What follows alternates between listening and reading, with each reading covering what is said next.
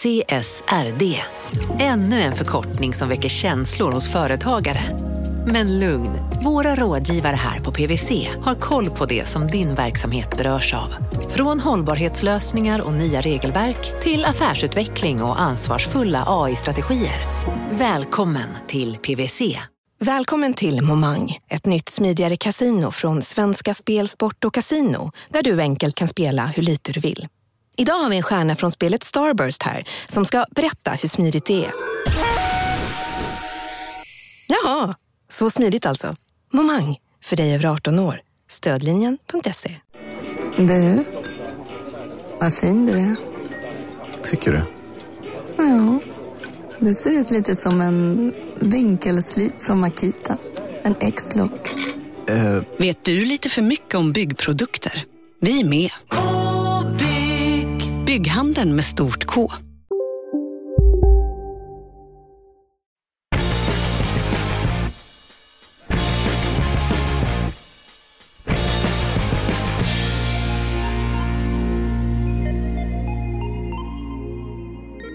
The carnage in the crypto world continued today with Terra halts its blockchain for a second time. Luna has crashed because it's attached to a stable coin called UST. What has unfolded with these unstable stablecoins, such as UST, was entirely predictable. Is there any indication that there's some element of just out and out fraud here? And basically, as the stablecoin UST gets sold off, more Luna gets minted. It's one of the worst scandals in the history of the crypto industry. Underbara vänner, det har kallats för en av de största kryptohändelserna någonsin. Terra Luna har fullständigt kraschat och vi kommer ägna hela dagens avsnitt av De kallar oss krypto till att försöka reda ut vad som hände, vad det betyder för krypto som helhet, vad som händer framåt och kanske lite också hur eh, vi mår, vi som var med på det här tåget. Och eh, som jag tror att de flesta av er vet så är Terra ett av de projekt som jag personligen hade investerat allra mest i. Eh, så vi kommer såklart prata en hel del även om det och vad jag har lärt mig av den senaste veckans händelser. Skulle man ha missat det så heter jag Mårten Andersson och vid min sida som alltid Gunnar Harrius. Hej Mårten. Hur mår du? Eh, jo, jag mår bra. Eh, jag vet du brukar ibland eh, klandra mig för att jag svarar så outförligt på frågan hur mår du? Jag tänker dock att just den här veckan så är eh, frågan hur mår du betydligt mer relevant. Jag har ju nu fått några dagar på mig att landa. Eh, senast vi spelade in stod ju Luna i 31 dollar. Nu står den ju inte ens i 31 cent. Eh, så att, Ganska långt ifrån 31 cent Väldigt, faktiskt. väldigt långt ifrån 31 Ja. cent. Så eh, det, eh, det blev ju en, en, en otrolig chock naturligtvis. Och jag har också fått frågan varför sålde du inte och sådär. Och varför jag inte sålde var därför att mina Luna då är stakade, eller var stakade i alla fall. Och det betyder att det var en upplåsningstid på 21 dagar. Så att jag kunde bara sitta på sidlinjen och titta på när allting föll. Mm. Och eh, varför var jag stakad? Jo, därför att man fick då rewards. Man fick nya Luna, i stort sett i mitt fall då varannan dag i stort sett en ny Luna. Så Mm. att, eh, ja, därför händer det så för mig. Men hur mår jag? Eh, jag vet inte, jag har bara eh, inte lagt locket på kanske, men bara tagit eh, en time-out från krypto i en vecka och inte kollat på någonting och bara försökt träna, vara med familjen och njuta av bra väder och familj. Alltså rent, bara försöka fokusera på rätt. Att det är pengar, det var mycket pengar i mitt fall. Sen är allt relativt, men för mig var det väldigt mycket pengar jag förlorade. Och, eh, men det är trots allt bara pengar. Det kunde varit jävligt mycket värre. Så eh, jag är tacksam över att eh, eh, min familj mår bra och är krya och att jag mår bra och, och sådär. Det, så att jag, nej, jag, jag, jag är helt okej. Du skrev på Twitter i veckan, det lilla du faktiskt har kommunicerat utåt, så skrev du lite om hur du mådde och så var du också med ursäkt. Är det någonting du vill prata om nu? Nej, men jag känner väl att jag kanske, om jag ska ta med mig någonting som jag har lärt mig av det här, så borde jag, även om jag tycker att man är helt ansvarig för alla sina egna investeringar. Man kan inte skylla på någon annan om man har förlorat pengar. Jag kan inte skylla på Rand Neuer eller Sh- Sheldon the Sniper för att jag har torskat pengar på vad de har sagt åt mig att köpa. Det är mitt eget ansvar. Eh, Men det jag kan tycka att jag eh, ska lära mig av det här är väl att kanske inte sitta och hypa eller chilla om man så vill en coin så hårt som jag ändå gjorde med Luna. Och sen jag menar, eh, som tur var har jag ju dig som ofta har lagt in no financial advice och jag menar har jag sagt så här, köp för allt ni har så självklart har jag det gjort med glimten i ögat. Men jag känner ändå att utifrån att det ändå är nästan 50 000 som följer mig på Twitter och det är en hel del som lyssnar på det här så sitter man ju någon, någon slags maktposition ändå, eller åtminstone någon slags influencer krypto eh, och då mm. bör man nog kanske tänka efter innan man går ut och pratar som jag har gjort om det.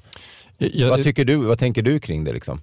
Jag eh, har tänkt jättemycket på det senaste veckan såklart och jag, det, det handlar väl någonstans om ett eh, kritiskt mindset och eh, att eh, man kanske liksom generellt ska bara applicera en mer, liksom, eh, en mer liksom kritisk metodologi på typ allting vi sysslar med överhuvudtaget. Det, som, det man nog kan ta med sig rent tradingmässigt i det här är när tåget åker, hur lätt det är eh, när det bara slås nya all time highs eh, efter varann, att man tappar lite eh, verklighetsförankringen Eh, jag menar, för när vi skrev våra nyhetssvep och vi gjorde eh, veckans viktigaste nyheter, det var i Luna mer eller mindre hela tiden under en period. Då blev det naturligt också att prata om det i podden.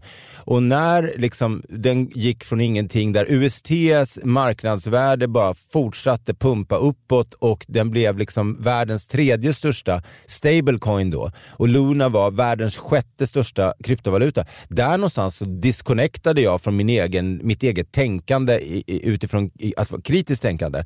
Därför jag var så här, hur ska det här kunna gå till noll? Det, liksom, det fanns inte ens eh, i, i min begreppssfär att, att det skulle kunna ske. Eh, för om man jämför med en aktiemarknad, ja men nu kan man inte riktigt göra så för krypto är mycket nyare och de, de, riktiga företag står på helt andra stabilare grunder. Men det är ju som att, om man ändå ska göra någon slags jämförelse, att ett väldigt, väldigt stort företag på bara några veckor går från eh, att vara ett av de största företagen i, eh, i, i sin bransch till att inte existera. Mm. Ja, nej, men verkligen. Och eh, Det var den sjätte största kryptovalutan i, i market cap och eh, det är den eh, inte nu, utan den har väl, eh, jag tror att en Luna handlades för, jag, jag, har tappat räkningen på hur många nollor det är på 0,00000 liksom cent och, och sådär som, som mm. det, det är nere på nu. Och in förra veckan så låg det på 30 och då var det mitt i en krasch och innan dess var det uppe på 110 som mest. Jag lyckades ju med genidraget också ta min pensionsförsäkring som jag har på Avanza och köpa mer Luna, någonstans runt 5 dollar. Så, eh, bara för att förlora ännu mer pengar. Ja. Men så att eh, jag, eh, vad lär jag med det här? Att, eh, det kan vi kanske återkomma lite till senare, men jag, eh, jag eh, är fortsatt, man behöver inte vara orolig för podden. jag hoppas man hör på min ton att jag är, är jag är möjligen skadeskjuten, men jag, är, jag flyger. Och som den personlighet jag är så har jag alltid eh, rest mig ur askan varenda gång och jag planerar att göra det även den här gången. Eh, mitt intresse vad det gäller webb 3, eh, blockkedjeteknik, NFTs, metaverse och så vidare har inte förändrats någonting av den här kraschen. Jag är lika nyfiken, lika sugen. Det är bara att jag tror att jag kommer ligga lite lågt med investeringarna och jobba en del övertid framåt. Man hörde ett skratt där som man känner igen. Så är det. Ska vi avslöja att vi inte är ensamma i den här studion? Ja, det gör vi. Därför att eh, även om jag anser att jag kan en del om Luna och eh, även Gunnar så har vi eh, en person, vi har två stycken orakel i den här podden som vi älskar och det var länge sedan vi hade honom med. Och tyvärr var han en av dem som också eh, var investerad i Luna. Eh, men för att få lite klarhet i hur han tänker och framförallt vad var det egentligen som hände? Mm. Egentligen någon slags timeline. Hur kunde det hända? Varför hände det och, och på vilket sätt? Och kanske vad som kommer hända framåt och sådär. Eh, så har vi då återigen bjudit in den fantastiska eh, Vahid Tosi. Tack, kul att vara här trots mm. omständigheterna. Ja. Hur mår du? Jag mår bra. Eh, jag mår bra. Jag har eh, eh, såklart så har den senaste veckan varit en, en period för ja, men lite soul searching och eh, se liksom, vad hade man kunnat gjort annorlunda. Ja, men jag, all in all good. Mitt, eh, mitt kaffe smakar likadant som det gjorde förra veckan. Liksom, mina vänner älskar mig lika mycket som veckan innan och ingenting är förändrat. Eh, så att, all good. Men om vi ska då göra, ehm, du skämtade lite innan vi gick in i studion om att det här är någon slags postmortem av en dissekering av eh, Tara Luna och vad det var för någonting och vad det var som hände och sådär. Om man bara börjar från liksom den allra liksom mest grundläggande, vad var idén med Terra Luna? Så eh, hela tanken var att man skulle skapa ett layer one blockchain som i sig hade en inneboende stablecoin, det vill säga en UST i det här fallet som skulle vara en digital UST. Det var egentligen hela tanken. Och att transaktioner likt ethereum skulle processas på den här eh, layer one blockchain. Precis, men när man pratar om, om Terra och Luna så, så är det ju två stycken coins man pratar om primärt. Mm. Det är dels då Luna mm. och så är det då UST. Vad, vad är de och hur förhåller de sig till varandra? Precis, så Luna kan man säga är vad ETH är till ethereum-blockkedjan så är Luna till Luna-blockkedjan. Man kan se Luna lite grann som en centralbanksreserv och UST som ekonomins valuta. Så i Sverige så har vi liksom, eh, vi har SEK alltså, eh, och i, vår reserv så ligger det massa andra statspapper och guld och så vidare. Mm. Eh, men i det här fallet så har du UST som är lokala valutan och sen har du Lunan som är Eh, liksom reserven. Det är väl egentligen så. Och tanken är då att man kan vid eh, vilket tillfälle som helst växla en UST mot motsvarande värde i Luna. Och tanken också, eh, som en av de grejerna som jag gjorde att jag hakade på det, eh, var ju deras eh, tokenomics där man då för att minta en UST, och alltså en UST, eh, US Terra dollar, den ska vara värde 1-1 på samma sätt som en dollar i, i, i den fysiska världen ja, är värde en dollar. Det är en stablecoin vill jag bara säga, eftersom vi inte har sagt Exakt. det ordet än. Mm. Ja, en stablecoin då, USD. Ja. Eh, för varje gång en, en USD skulle mintas så brändes det Luna till samma värde och tvärtom. Så den var ju då super deflationary. Som andra ord, ju högre eh, demand för UST, desto mer burn av Luna och tvärtom då. Ja, och då har vi två varianter av stablecoins. Vi har algoritmiska stablecoins och så har vi backade uh, stablecoins. Mm. Algoritmiska och vanliga eller man ska backade, säga. Backade. Ja. Ja, ska vi börja med backade då? Vad, ja. vad är det för någonting? Okej, okay, backad har du, i, i Tethers fall, så USDT, ja. så är det att uh, de, uh, du petar in en dollar och så trycker de en dollar i, alltså, via en central enhet. Mm. Så det är ett företag som mintar de här USDT-erna. Så att de ger ut en, en digital version, en kryptoversion av en dollar och så säger de, ni kan alltid växla in det här mot en vanlig dollar och vi har liksom ett jättestort bankfack med jättemånga dollar och sen sidospår, men det är inte helt säkert att de har det, men det är väl liksom a tale as old as banking mm. antar jag. Precis. Men okej, okay, så det är det, det är det ena och det är det vanliga och det tror jag alla förstår. Typ. Så här, det finns guld eller dollar eller någonting som man kan växla in mot, men det här är något helt annat. Det här är en algoritmisk stablecoin, en algocoin. Precis. Hur funkar det? I det här fallet så funkade den här i att den backas liksom av Luna. Så att eh, du tar en UST och så mintar du en UST och så, så bränner du motsvarande värde i Luna. Så att den backas av en, vad ska man säga, sin systertoken eller sin reservtoken. Uh, så det är väl egentligen så det funkar. Och sen så beroende på vilka, eh, vilka nivåer och hur, hur, stor attraktivitet det finns för UST så justeras också reserven. Okay. Sen hade vi hela den grejen med arbitrage som jag som jag förstår det då, så funkar det också så här då att hela poängen med att man, som du sa, man kan alltid växla en UST, alltså en stablecoin dollar, mot en dollars worth av mm. Luna. Vilket betyder att om efterfrågan på UST sjunker så att en UST bara är värd 99 cent, då kan du ändå växla den till en dollars worth av Luna. Vilket betyder att du kan köpa, för 990 dollar kan du köpa 1000 UST, växla dem till 1000 dollars worth of Luna och sälja det för 1000 dollar. Så att du gör en så kallad arbitragevinst. Exakt så. Och nu i det här exemplet tjänar jag 10 dollar. Gör man det här med en miljard dollar så tjänar man mm. ganska mycket pengar. Ja. Och det skulle då driva på efterfrågan på USD vilket skulle driva upp priset till en dollar igen. Och mm. tvärtom ifall priset på en USD skulle överstiga en dollar så kan man göra arbitrage åt andra hållet. Så, att säga. så att arbitrage är liksom inbyggt i systemet för att Exakt. hålla stablecoinen inom stationstecken stabil. Precis. Ja, på sin peg. Mm. Ja, precis. precis. På sin peg. Det är några begrepp man behöver ha koll på. Eh, det är LFG, eh, Luna Foundation Guard, eller mm. ibland som de är Let's fucking go. Ja. det är de som, eh, kan man säga, agerar som Jerome Powell i det här, eller centralbanks issuer. Mm. För det är de som sitter på reserverna på ett eller annat sätt. Eh, så det, det, är viktigt att hålla koll på dem. Vi kommer komma tillbaka till LFG lite senare också. Yeah. Sen så har vi Anchor som är egentligen en det är ett protokoll som är egentligen frikopplat från eh, Luna. Du kan även staka andra grejer via Anchor. Men det är en plats där du kunde eh, staka dina UST och få 20% avkastning. På ett år? På ett år. Mm. Och då kanske den kritiska säger, hur i hela fridens namn går det till? Ja. Så det, som, det man kan säga var att 7-8 kom från naturlig utlåning. Resten var egentligen finansiering från olika VC-bolag och olika intressenter.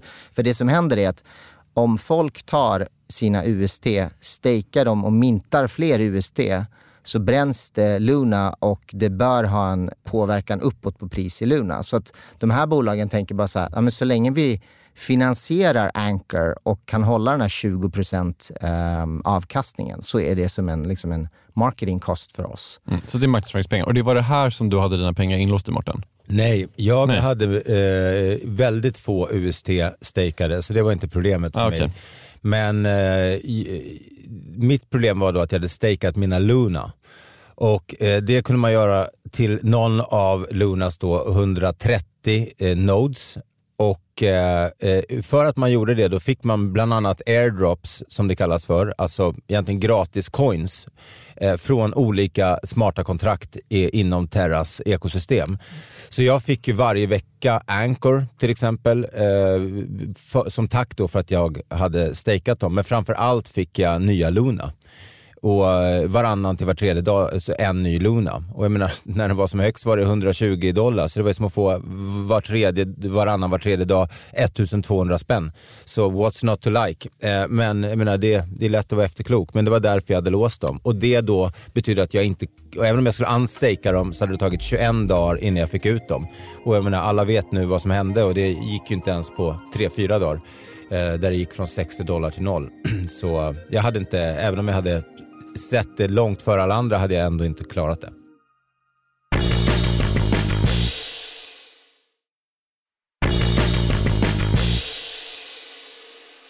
Do Kwon också. Det är ett mm. namn som har slängts en del senaste veckan, men även mm. innan det. Det är han som har grundat eh, liksom, eh, Luna. Yes. Och, Sydkoreansk, väldigt så uh, utåt levande kanske heter. Nej, men en stor personlighet verkar han vara. I wonder how many of uh, these companies you think are entering the space just because it's hot and there's a lot of funding versus the ones that will still be here, you know, like two to five years later. Oh, 95% are going to die. Yeah. 95% are going to die. Yeah. Uh, but uh, yeah, there's also entertainment in watching companies die too. Absolut, absolut. Miljardär. Eh, I alla fall var. var. eh, men eh, pappersmiljardär eller kryptomiljardär. Men, men, han har grundat och han har väl såklart fått lite kritik efter det här. Eh, ja, men en del rättfärdighet också. Men eh, vi kanske kan eh, komma tillbaks till, vad ska man säga, slakten av Doquan också. Så kan vi kanske gå igenom själva händelserna.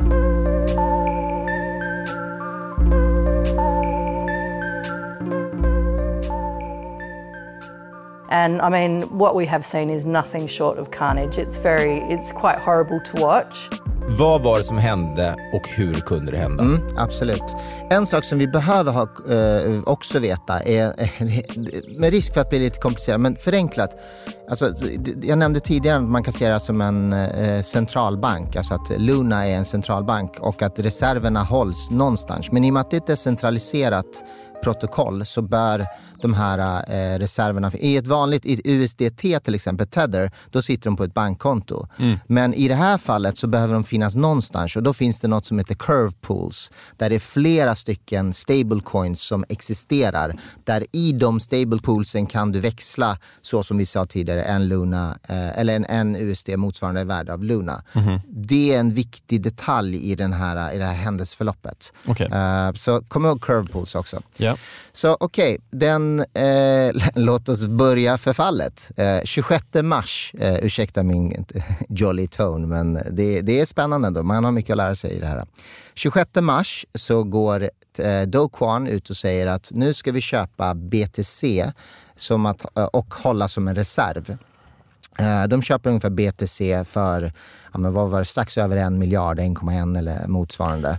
Då har jag en fråga direkt. Då. Jag tror det är hela poängen med UST och Luna var att de skulle liksom balansera upp varandra. Att liksom USTs värde kommer av att eh, av, i backet av Luna men ändå köper han hur mycket bitcoin som helst. Vi pratade om det här i podden, ju, att de var, mm. vad var det, tredje största eller femte största mm, eller någonting mm. bitcoinägare. Liksom. Ja, det var ju bara tror jag, Tesla och MicroStrategy ja, som exakt. ägde fler. Ja, så varför mm. det? Nej, men eh, jag tror att det finns två grejer i det här. Det ena är väl att han misstänker att det ska skapa någon form av stabilitet till, eh, alltså skapa ett inneboende värde. För att nu äger det här nätverket så här mycket bitcoin. Okay. Och bitcoin kan ju inte vara värdelöst. Eh, det är väl det ena. Det andra är att, för att nationsstater gör sådana grejer också. De ja. köper ju andra nationers reserver, de köper guld och så vidare för att stabilisera in sin egna Um, sin egna nation. Och då är det så liksom att när, om allting går åt helvete så kan man börja sälja av det för att driva upp efterfrågan på sin egen Precis. Precis, då, liksom. precis. Ja. eller att de eh, liksom fördelar risk. De lägger inte ja. alla ägg i samma eh, korg så att säga. Fattar. Men det är lätt att vara efterklok, förlåt Vahid, ja. bara snabbt. Så, men jag menar, om man tvingas till att sälja bitcoin eh, så borde man ju kanske ha funderat vilka effekter det får för alla andra coins, om, för att bitcoin är the king och altcoins eller shitcoins om man så vill, eh, när bitcoin faller, vilket det gör om någon dumpar så stora mängder, då drar ju altcoins ner ännu mer. Mm. Och mm. det kan skapas masspanik och det här fear and greed index slår ju i botten. Mm, precis. Eh, ja. ja, men förlåt, de köper bitcoin då? Köper bitcoin för ungefär 40 000 dollar styck, 42 000 dollar styck. Eh, och eh, dagen efter så är det någon, som, någon entitet som lånar 100 000 bitcoin. Um, motsvarande vadå? Då tror jag det var någonstans ja, men 3,5 miljard kanske. Um, dollar. dollar. Yeah. Och eh, såklart kortar bitcoin. Så att de sätter det vill säga en, en, en, kort position på bitcoin. För de vet ju att någonting är på väg att hända. Precis, och det man gör, jag behöver kanske inte förklara hur man kortar någonting, men det man gör är att man lånar bitcoin och så säljer man bitcoin och så hoppas man kunna köpa tillbaka det billigare. Boom! så är Bra, exakt. Så att de, de kortar bitcoin och så börjar de sälja eh, bitcoin för att köpa UST. Alltså den här Lunas eh, in, inneboende stablecoin. Och det de gör är att de börjar köpa UST i det här som vi pratade om tidigare, curve pool. Den platsen som alla de här stablecoinsen finns. Men det som är, är att, alltså det är the perfect storm där. Eh, det som händer är att just nu så finns det en Curpool 3 eh, där det finns ett gäng stablecoins samlade.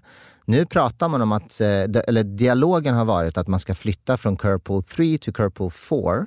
Så eh, Luna Foundation har sugit ut ganska mycket UST ur Curvepool 3 för att vara beredd att migrera över till Curvepool 4. Så det vill säga, det finns ovanligt lite UST där. Så en potentiell eh, dump kan ha, få större konsekvenser än i normala fall. Okej, så om man inte vet, om man inte fattade det du precis sa. Mm. Det man behöver veta är att det fanns ovanligt lite UST? Exakt, okay. i den här poolen. Ja, exakt. Och eh, så, så det här händer. Man börjar helt enkelt köpa massa UST och så har man korta BTC, man har korta Luna. Eh, och sen någon gång den fjärde maj... Vänta, det tror jag missade. De har också kortat Luna? Påståsvis, men det är, det är inte lika lätt att eh, veta. Okay. Man vet att, alltså, vad ska man säga, andra, eh, andra vågseffekten. Om jag hade varit eh, en trader så hade jag också kortat Luna. Fattar. För okay, att du men, vet ju att den kommer krascha också. Okej, okay, men, men det vet man inte säkert att de Nej. faktiskt har gjort. Men, okay, men de, köper, de säljer skitmycket bitcoin, köper UST för det. Exakt. Okej, och vad Precis. händer då? Eh, 7 maj så den här entiteten då, då, som har lånat och köpt massa, de säljer motsvarande 350 miljoner dollar av UST in i den här curvepoolen. Och det som händer då är att eh, den depeggar, det vill säga den går ifrån från det lovade en dollarsvärdet till att kosta 97,5 cent. Då blir ju folk såklart nervösa. De säger så här, okej, okay, vad händer? Eh, varför funkar det här inte så som det är tänkt att vara? Så, är det de gör då bara, så att jag är med på varför den depeggar av det, och depeggar är att då den inte är värd en dollar plötsligt.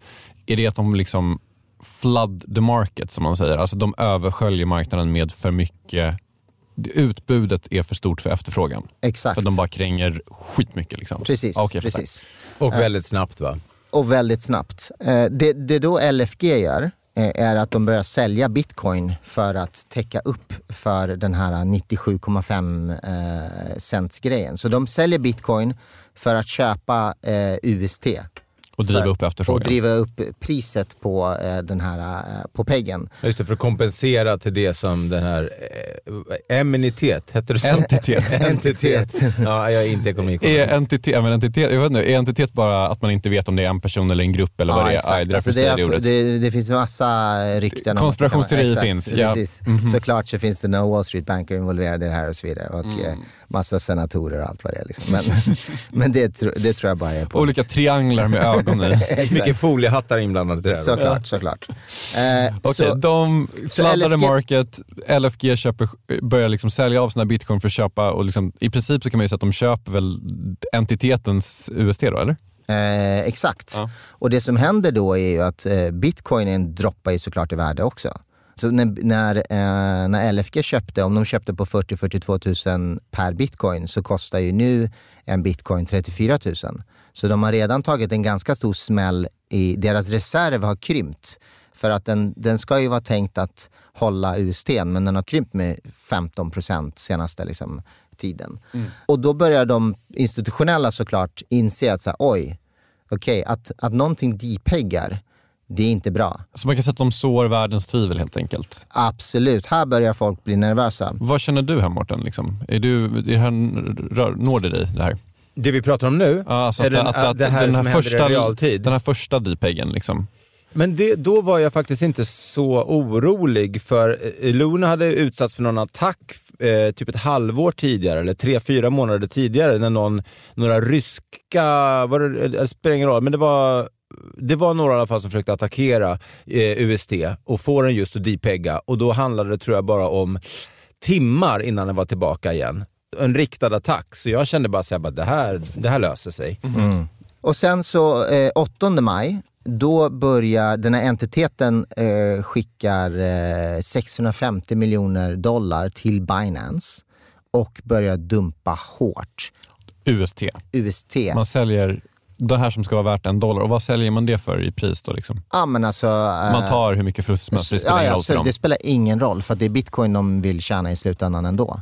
Och då börjar retail följa med också och tänker oj shit, nu måste jag eh, gå ur min position innan det här går åt helvete. Så det är någon slags bankrun de startar här genom Precis att... så. Så om de började med, så att det första steget så, så sår de det här lilla fröet, de testar typ, går att depegga lite grann? Ja, det gick. Vi fick ner 95 cent och då bara sköljer de marknaden. Mm. Är det det som händer? Liksom? Exakt så. Och det som händer är att det dumpar så hårt så att vi är alltså på per UST så är vi nere under 0,7, alltså eh, 70 cent. Och Binance har inte ens programmerat sin, sin, liksom, sin orderbok att eh, vara under 0,7. Så helt plötsligt så finns det inga köp eller säljordrar. Och det skapar ju ännu mer kaos såklart. Så att vi, det finns en, en tid där det, du, det inte, du kan inte ens sälja USD. Och då börjar folk såklart eh, titta på andra sätt att sälja. Och du ser hur, hur Anchor, den här, det här protokollet som vi pratade om tidigare, Mm. bara börjar tömmas ah, på USD. Folk tar, liksom, to, folk tar vilken smäll som helst, det spelar ingen roll.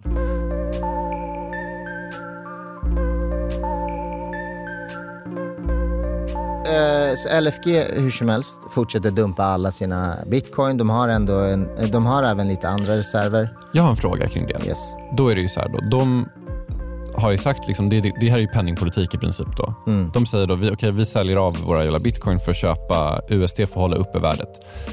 Är även det här på något sätt algoritmiskt programmerat? Eller är det någon som går in och säger, ja, nu säljer vi av alla våra jävla bitcoin? Eh, nej, det kontrolleras faktiskt off-chain. Så att det kontrolleras av LFG. Eh, vilket Det är också en del av kritiken. Ja, men eh, och, eh, alltså, hade det varit någonting som rör Luna så, så är det ju det är en governance token. Mm. Så där måste det röstas eh, om vad, vilka förslag som får göras. Och det gjordes ju även en rescue plan lite senare, men vi är inte där än. Men Nej. där liksom, man kunde gå in och rösta då. Men LFG är ju en, eh, en, en egen organisation eh, som såklart är knuten till Luna och Terra Luna, men eh, Singapore-baserad eh, och där är det ju liksom personer som, som sitter och tar besluten, det är ju inte algoritmer. Det algoritmiska i det här är eh, relationen mellan Luna och UST. Exakt. Ja, så att när UST faller som en jävla sten, vilket gör av den här liksom, fladdingen, det påverkade också Lunas pris. Precis, för det som händer är att eh, eh relationen mellan Luna och, eh, och UST är ju, som vi var inne på tidigare, du ska kunna växla en, eh, om du har 10 dollar och en Luna kostar en dollar, då ska du kunna få 10 Luna. Men det som händer är att om UST dumpar så måste det tryckas för det Luna. Alltså man måste trycka upp fler Luna för att matcha priset på dollarn. Vänta nu här, nu tar vi det jävligt piano här. Okej. okay. om, du, om du tänker så här. UST fanns det ungefär 14 miljarder dollar market cap på ungefär eh, locked. Ja. Under den här perioden så går det ner till 1,4 miljarder. Så där har vi en, liksom en 90 procent ner eller vad det nu är. Ja. Och eh, för att det här ska matchas, för att, plus att själva UST också blir värt mindre. Ja. Eh, så du har liksom både att market cap minskar plus att eh, UST blir värd mindre. Det betyder att du behöver trycka Lunas för att motsvara den, det värdet som man pratade om tidigare. Det vill säga att du vid när som helst ska kunna ta en USD och växla motsvarande en dollar värd eh, i Luna. Men en dollar värd i Luna är, är ju skiftande. Mm-hmm. Så eh, för att det kan ju vara, eh, det kan ju vid, vid någon tidpunkt om en dollar, eller om Luna är värd 100, då kan det vara 0,1 ja. exakt. Eller, eh, eller 0,01 blir det. Och om det är värt en, ja men då blir det en. Ja. Men för att matcha det så måste antalet Luna öka hela tiden för att representera de dollarna som finns. Och för, för att du menar för att fallet på UST går ner och är någonstans på 0,3-0,4 cent så är det ju inte en dollar längre och då Exakt. måste det tryckas flera Luna för att matcha upp förlusten upp mot en dollar. Precis. Okej, okay. jag tror att typ fattar. Och eh, fun fact, eller inte alls fun fact, men det fanns ungefär 80 miljoner Luna innan det här. Eh, idag finns det 6,5 triljoner Luna. Eh, så att den här dödsspiralen har printat 20 000 ex nya Luna.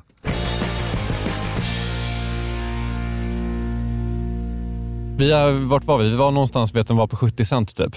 Uh. Och då började trycka Luna så in i helvete och sen då börjar den här bankrunnen då, att folk, att alla vill bara ta ut sina pengar ur UST och ur Luna och bara säljer bäst de kan typ.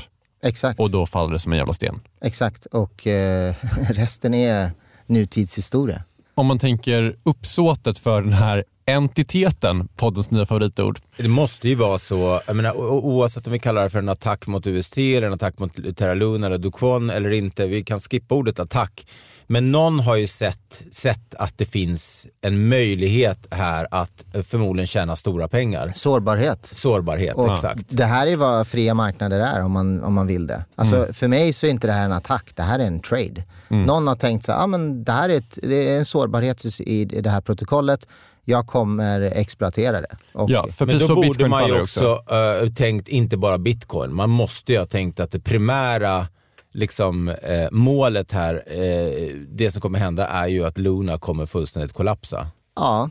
Men även alltså, om de inte vet det, så att, kan man ju nästan, nästan utgå från att de har kortat även Luna då. Eh, exakt. Jag tror att den här entiteten tjänade, tjänade ungefär en miljard dollar på den här traden. Eh, så att, eh, Men är vi klara med händelseförloppet? Det var det här som hände? Mm. Det var det som hände. Totalt ungefär 60 miljarder dollar eh, mellan Luna och UST eh, ja, gick upp, upp rök. i rök. Okej, vad det här får, ska vi prata lite om vad det här kan få för konsekvenser för krypto som helhet? Kanske efter reklamen då?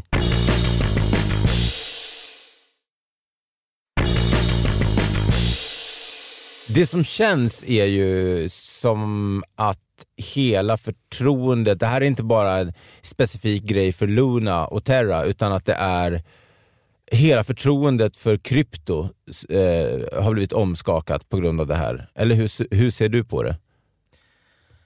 Ja och, eh, ja och nej skulle jag säga.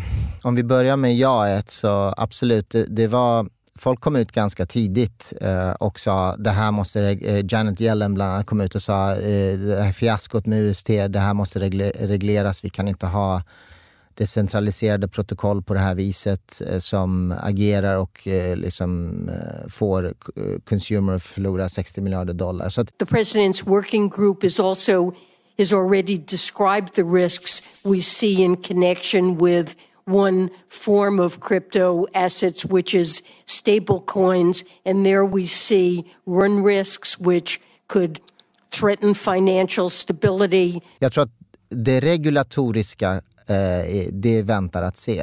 Men jag tror garanterat att det här kommer användas som någon form av eh, titta vad som händer här borta eh, grej. Och vilket är liksom, med all rätt om man ska vara ärlig. Mm kapitulationen och fiaskot för UST som decentraliserad stablecoin ger ju ett incitament för politikerna och centralbanker världen över att gå in i ett nytt monetärt digitalt system helt och hållet, eh, men där man har central bank digital currencies. Mm. Där det finns en centralbank som styr de här sakerna. Mm. För nu kan de säga, då har vi kontroll. Absolut. Och då Exakt. går det emot hela grundidén om varför bitcoin och annat skapades. Ah. Som ju skapades ur en finanskris eh, och, och där allting handlar om decentralisering decentralisering. Det tror jag också. Eh, men om man, om man lägger det åt sidan, eh, man skulle ju kunna påstå att så här, men om, om folk hade velat attackera bitcoin eller ethereum, eller, jag, jag, vågar bara nämna de två, mm. Eh, så hade man försökt göra det de senaste tio åren. Mm. Så det för mig skapar ju också en viss resilience gentemot det som finns där ute. Man pratar om att någonting som har levt längre tenderar att vilja leva längre. Mm. Luna levde i, ett, alltså i det formatet som det är idag i ett år. Mm. Så att eh, de projekt som finns, de har bara blivit starkare skulle jag påstå. Jag vet också när jag, du var ju hela anledningen till att Eh, eller hela, den stora anledningen till att jag gick in i krypto. Mm. Det har vi berättat om i den här podden också. Uh, och uh, jag ska säga tack för det. Uh, säga, en tack, dag som tack, denna. Ja, tack, tack tillbaka för att du tipsade dig om Luna. men uh, skämt åsido, det fick du också att skratta i sådana här tider. Men det var ju att du sa att var extremt försiktig med allting som, är, som inte är liksom topp fem typ. Mm. Topp tio möjligen mm. sa du. Mm. Och jag menar, även om Luna tog sig upp till topp sex så var det ju inte där den började. Mm. Så jag tror att man kan också bli fartblind. Mm. Men när du säger nej, eh, vad är det du tänker då utifrån frågan att eh, om det har skadat kryptos rykte? Är det det du menar då att just bitcoin och ethereum var inte de som blev attackerade? Nej, och att, att de starka projekten som finns där ute, alltså nu, nu, nu pratar man om, det, jag tror att attack är liksom att till, ifrånskjuta sig ansvaret i det man gör. Därför kallar inte jag det för en attack, jag ser det mm. som en trade. Och jag tror att hade någon kunnat gjort den här traden på bitcoin så hade man gjort det. Alltså mm. det, finns ingen, det finns ingen människa där ute som, som eller det är klart det finns, men det finns inga entiteter där ute som i det fall de kan tjäna en miljard inte väljer att tjäna en miljard. Mm. Så att det, och hade de velat göra det på eh, bitcoin ethereum så hade man gjort det. det, det. Jag tror att det är det det handlar om. Så det visar på en styrka, tänker du då, för de två protokollen i alla fall? Ja, exakt. Två saker kring det här. Ett som jag tycker är, som inte har nämnt, som är en konstig krydda i det här, som ju är att um, exakt det här händelseförloppet som vi har nu försökt beskriva i den här podden, la ju någon ut på Twitter för typ ett halvår sedan eller någonting ja. i den stilen och sa det här skulle man kunna göra mot Luna. Mm. Och då Kwon svarar och säger mm, lycka till, typ mm. uh, I urge anyone to try. Mm. Och, ja, exakt. Och, och, nu försökte någon och det funkade. Precis. Så det är ju jävligt speciellt tycker ja. jag å ena sidan. Jag, jag, skulle dra mig lite för att säga att det här typ eh, tyder på eh, en styrka, eller att det är så positivt för bitcoin. För att mm, hade man kunnat göra det här mot bitcoin så hade man gjort det. Jag tror att eftersom bitcoin ändå var med i den här traden eller attacken, vad man nu vill kalla den, liksom, så tror jag att bitcoins rykte säkert skadas av det här mm. och kryptos rykte som helhet skadas garanterat ja, av det, det här. Och med all jävla Absolut. rätt. Ja. Och eh, jag tänker också lite på, du var inne på centralbankstyrda stablecoins och sånt där. Det, det jag kan känna lite grann kring hela den här grejen är att människor i krypto som kanske är lite så anti-establishment och anti-central banks och sådär. De, de klankar gärna ner på centralbankernas penningpolitik och de trycker pengar utan att fatta vad de gör. Och liksom, vi har alternativet. Men alternativet är ju, om, i det här fallet då en, en algoritmstyrd stablecoin, liksom, algoritmen är också penningpolitik. Mm. Alltså algoritmen, Precis. men med undantaget att när shit hits the fan så finns det inte skitmycket man kan göra för då är det en algoritm inbränd på en, mm. på en blockkedja som inte går att ändra på när, mm. liksom, krisen, kris, när krisen eller kriget kommer. Liksom. Så jag tycker att det, det tyder ju någonstans på typ en svaghet i typ den oflexibla penningpolitiken som finns i, i princip alla kryptovalutor vad jag känner till. Men det känns ju lite som så pest eller kolera. Jag har ju också så här, vi ser ju de belackarna av eh, liksom, centralbanker världen över eh, har ju sagt att man bara printat pengar så det bara sprutar om det under pandemin och att det kommer bli hyperinflation. Och eh, jag menar, vi ser nivåer som vi inte har sett på hur många år som helst. Så det är man säger, okej, okay, jag litar inte på det systemet eh, och jag vill inte ha mina pengar på en bank som sen ska bara hålla på och trada med dem och jag får ingenting för att de får mina pengar. Men jag vill inte heller lägga in dem i, i krypto. Och jag vill inte ha dem hemma i min madrass, mm. för då mm. kanske någon kommer att plinga på och vill ha mina pengar mm. eh, på ett otrevligt sätt.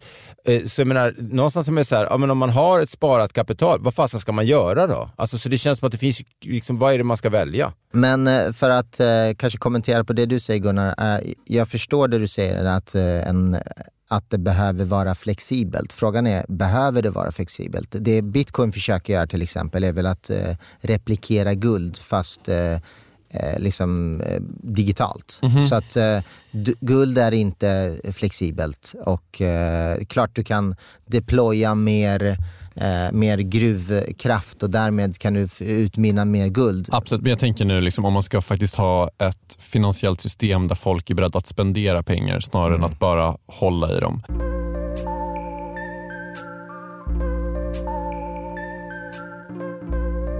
Men den stora frågan då, som kanske ändå vissa av oss ställer oss, eh, är ju, finns det någon som helst räddning för de här pengarna eh, och i så fall hur. Och, eh, alltså det senaste jag såg är ju att eh, Dukon, eh, alltså grundaren då som vi har nämnt några gånger eh, eh, av Terra Lunas blockchain, han har eh, gått ut och sagt då eh, att, att han vill att Terra ska göra en så kallad fork och bli en ny, alltså det blir väl en 2.0 då, av Luna. Jag kan bara säga för egen del, för det första är de fortfarande låsta tror jag, mig veterligen i 21 dagar till. så, eh, och jag menar liksom, det är väl bara hoppas. Alltså, mm. det, det är ju inte så att man ska gå ut och sälja dem nu. Du, man får ju inte, du får inte ens en Piggelin för, mm. för dina... Eh, för din, det, du får inte ens en Piggelin 1917. Nej, så illa är det. Och då är det väl bara att hoppas på det bästa och se. Alltså det jag försöker trösta mig med är ju att det är ju extremt smarta människor som, som har jobbat med det här, som fick det till att bli så populärt. Sen har man gjort ett gigantiskt misstag, kalla det hybris eller vad man vill, mm. att inte lyssna på kritikerna. Man kanske har blivit fartblind eller någonting, men jag menar, vi hade ju professionella, alltså riktiga proffs Absolut. som såg det här som, som något. Så att jag tror att många har blivit extremt tagna på sängen. Så att jag menar, vem vet? Jag fick någon som skrev till mig på Twitter i morse och undrade om de skulle investera motsvarande två pizzor i Luna och jag kan inte rådge till, till hans det. Nej, nej. nej. jag skulle säga, eh, jag ska inte säga någonting.